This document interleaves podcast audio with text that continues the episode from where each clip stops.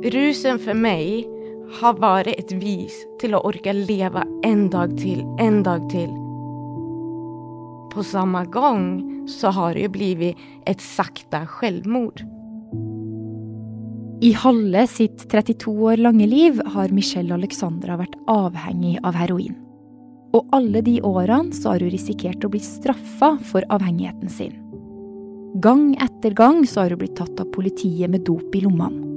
Det, det er bare en ond sirkel. Gjennom at han tar meg og gir meg en bot, så måtte jeg begå en annen kriminell handling. Det, det, det, det, det, er, det er bare absurd for meg. Men før helga så skjedde noe som kan endre på det her. I hvert fall hvis politikerne blir enige. Vi opphever altså straffansvar for bruk og besittelse av mindre mengder narkotika til egen bruk. Det betyr at det fortsatt er forbudt, men det er ikke lenger straffbart. Du hører på Forklart fra Aftenposten, og jeg er Marit Eriksdatter Gjelland. I dag er det tirsdag 23. februar. Jeg har aldri vært på så riktig vei noensinne. Ja, så jeg er langt ifra frisk. Absolutt. Jeg mener, jeg har jo, jeg har jo psykiske diagnoser som gjør at jeg kommer jo behøve hjelp sikkert for resten av mitt liv, på et vis, liksom. Men der jeg er nå i mitt liv, jeg visste ikke at det var mulig. Um, det å ikke bare akseptere seg selv, men sakte, men sikkert kanskje begynne bli litt glad i seg selv det, det der selvforaktet, selvhatet, begynner å minske litt mer. At jeg faktisk kan se meg selv i speilet utan å ville knuse det og spy for at jeg hater det jeg ser. Um, jeg våkner uten russug. Jeg kan våkne og kjenne att det er en ok dag. og jeg har ikke kjent på det förut liksom. Michelle Alexandra Muren har bodd mesteparten av livet her i Norge. Hun er liten i kroppen, har brune øyne, rosa hår og to piercinger. En ring i nesa og en blå stein over det ene kinnbeinet. Hun ser egentlig ikke ut som en tung narkoman, men det er akkurat det hun har vært fram til nå. Og det starta i barndommen. Jeg satte et mål når jeg var ti år om at jeg skal dø før jeg var 21. Hun forteller hvordan ikke bare selvmordstanker, men også alvorlige psykiske problemer Selvskading og spiseforstyrrelser prega oppveksten hennes. Men når jeg var 13 år da, så kom jeg i kontakt med hasj første gangen. Um, og det Det er så ubeskrivelig. Jeg ble ikke fysisk hekta, men jeg ble mentalt psykisk hekta på første trekket. Ifølge Michelle Alexandra kom hun via hasjen i kontakt med feil miljø. Og hun starta ganske kjapt på tyngre stoffer. Først amfetamin, og så som 14-åring det stoffet hun har gått på siden. Altså, for meg å ta heroin, det, er, det kjennes ut som jeg er fire år barn, og jeg gråter og jeg er redd, og mamma kommer og gir meg en varm klem og sier at allting kommer bli bra igjen. Det er den følelsen jeg får når jeg tar heroin. Jeg bare kjenner liksom at jeg kan ikke leve en dag uten dette, liksom, for at den tok bort all det mentale helvetet jeg levde i hele mitt liv, liksom. Hmm. Så det du beskriver her, er egentlig at du ble egentlig ganske raskt avhengig av tunge rusmidler. Men konsekvenser når du ser tilbake på, på livet ditt, um, hvilke, hvilke, konsekvenser har det hatt for deg? Hva har du opplevd? Brutale konsekvenser. Um, Folk har dødd i mine armer av overdoser. Jeg forloret min største kjærlighet av en overdose i mine armer. Livet som narkoman er steinhardt. Hver dag så brukte Michelle Alexandra rundt 400-lapper på to doser heroin. Uten den så ble hun dårlig. Smerter i leddene, oppkast, diaré, raskere puls. Lista, den er lang. Så derfor, i år etter år, så handla Michelle Alexandra sitt liv om å skaffe penger til narkotikaen hun trengte. Hele tida med en fare for å bli tatt av politiet. For besittelse av narkotika har vært, og er, straffbart. Jeg har opplevd en hel del razzia. Ehm, jeg har jo blitt tatt med mye narkotika, altså ikke store mengder, men jeg har blitt tatt mange ganger. Uansett om det er at jeg bare har kjøpt en liten brukerdose med heroin, så har de tagit den ifrån meg. Eh, og eh, de har da gitt meg en bot på 10 000 kroner. Og alle bøtene hun ikke kunne betale, vokste seg etter hvert til ei gigantisk gjeld på rundt 100 000 kroner.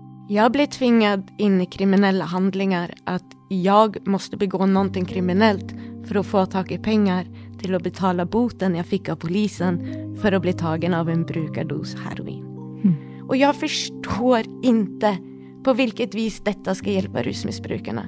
Å gi bøter, bøter vi ikke kan betale. Så Michelle Alexandra begynte å engasjere seg politisk. I rundt ti år så har hun kjempa for rusmisbrukere sammen med en av de mest kjente rusaktivistene i Norge. Mannen med det intense blå blikket, Arild Knutsen. Nå har vi fått dokumentasjon på at straff forebygger ikke rus. Og i forrige uke skjedde noe som Michelle Alexandra, Arild Knutsen og mange andre rusavhengige har kjempa for i årevis. Vi skal ikke lenger stå og se på at folk fornedres og ydmykes, og kalles kriminell når de faktisk er syke. Det har jo vært endringer i ruspolitikken litt sånn gradvis de siste to tiårene. Men dette er et, eh, det store steget mot eh, hjelp og ikke straff i ruspolitikken. Hvis det da blir noe av i det hele tatt. For det gjenstår fortsatt én hindring Stortinget.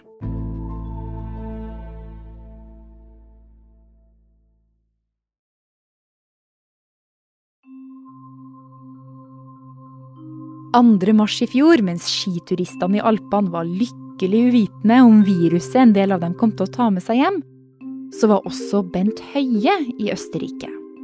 Men ikke for å stå på ski. Han var på konferanse hos FNs narkotikakommisjon sammen med fagfolk fra hele verden. Tidligere så har Høie vært kjent som en ganske konservativ stemme i ruspolitikken. Det var bl.a. han som bestemte at alle snusbokser skal se likedan ut. Men denne marsdagen så er han i Østerrike for å snakke om en ny rusreform han planlegger å legge frem snart. En reform som skal endre måten vi snakker om rus på i Norge fra å handle om straff til å handle om helsehjelp. I salen så sitter også en annen nordmann på samme alder. Mannen med det intense blikket, nemlig Arild Knutsen. Og han er veldig glad for at Bent Høie har endra mening. I remember, Mr. Høie, how we were uh, standing outside the parliament with posters and banners and yelling at the government and the parliament and we didn't go get nowhere. And when we were included, we have this cooperation. Now we are getting into evidence-based and human rights rights-based politics. So uh, this is so just so fantastic. And Bent I thank you so much. Og Bent Høie han innrømmer på akkurat passe norsk-engelsk at han tok feil i ruspolitikken right.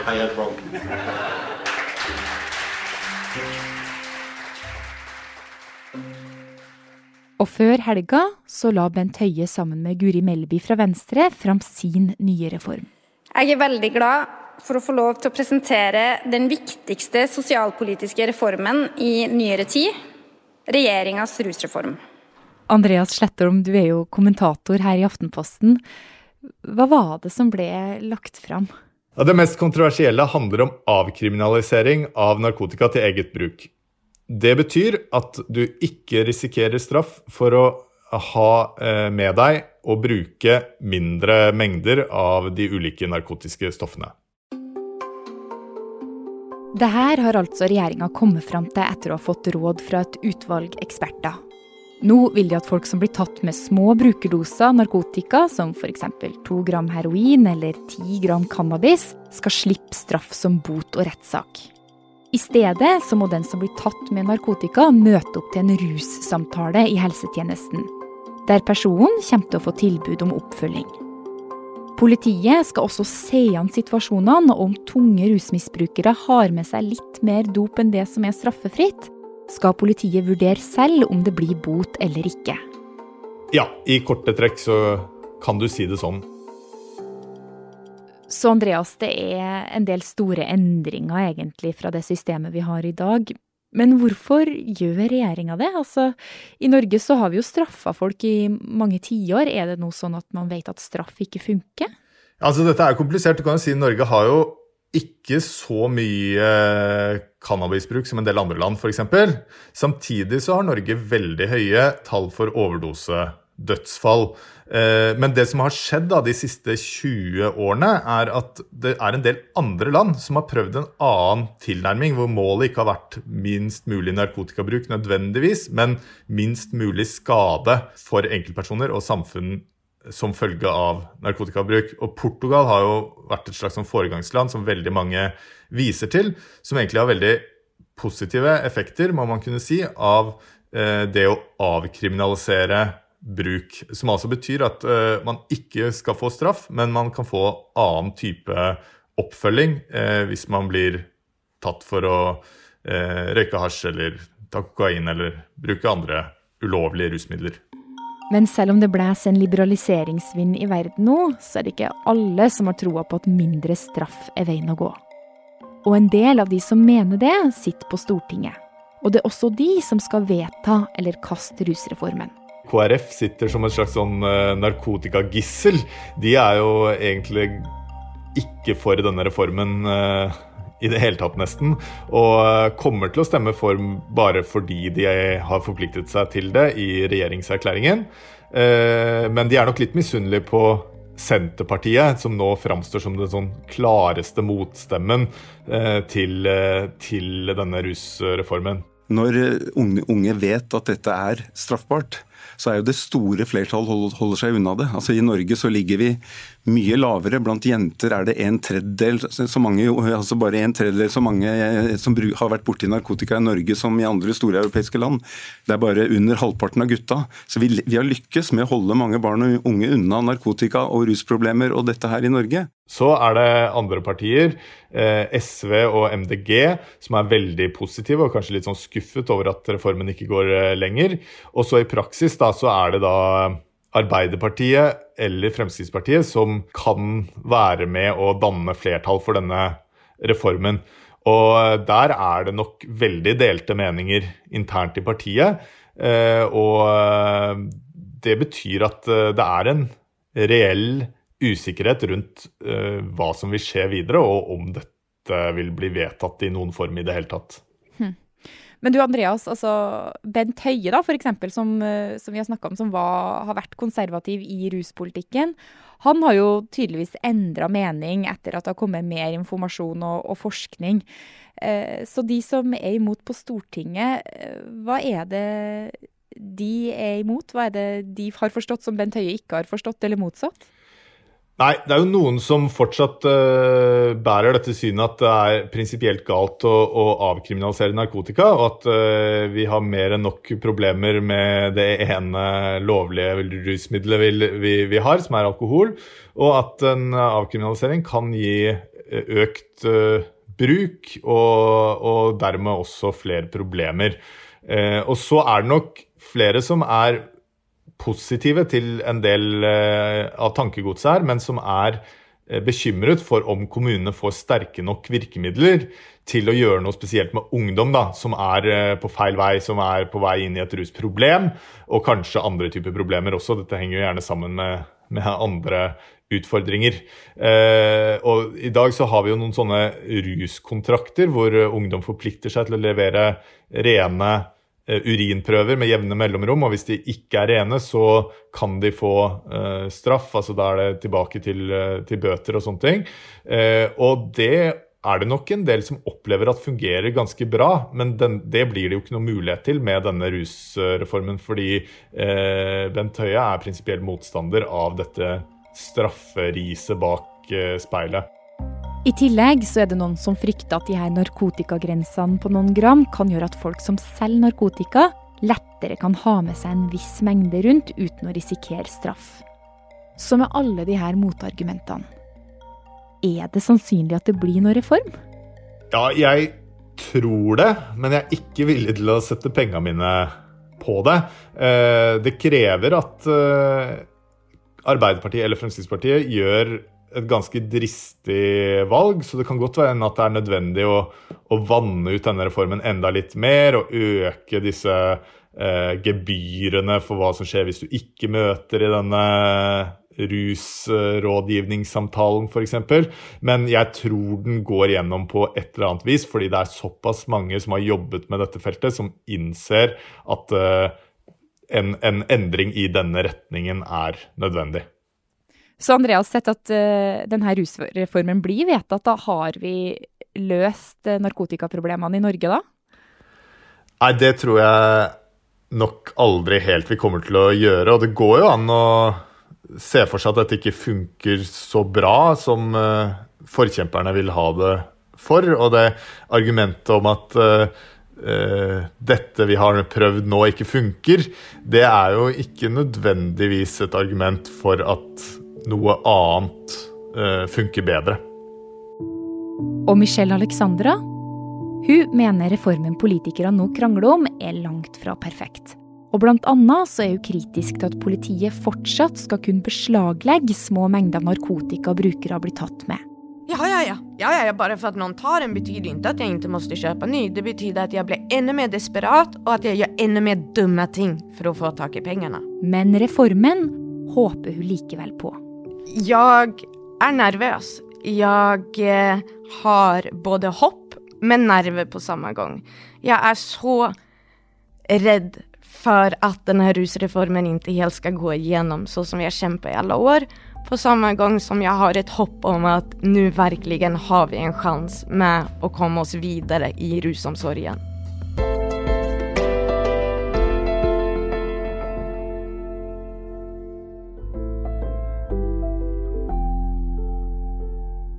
Denne episoden var laga av produsent David Vekoni og meg, Marit Eriksdatter Gjelland.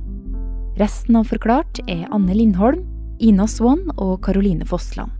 Du har hørt lyd fra regjeringen.no, NRK sitt program Dagsnytt 18 og Drug Reporter på YouTube.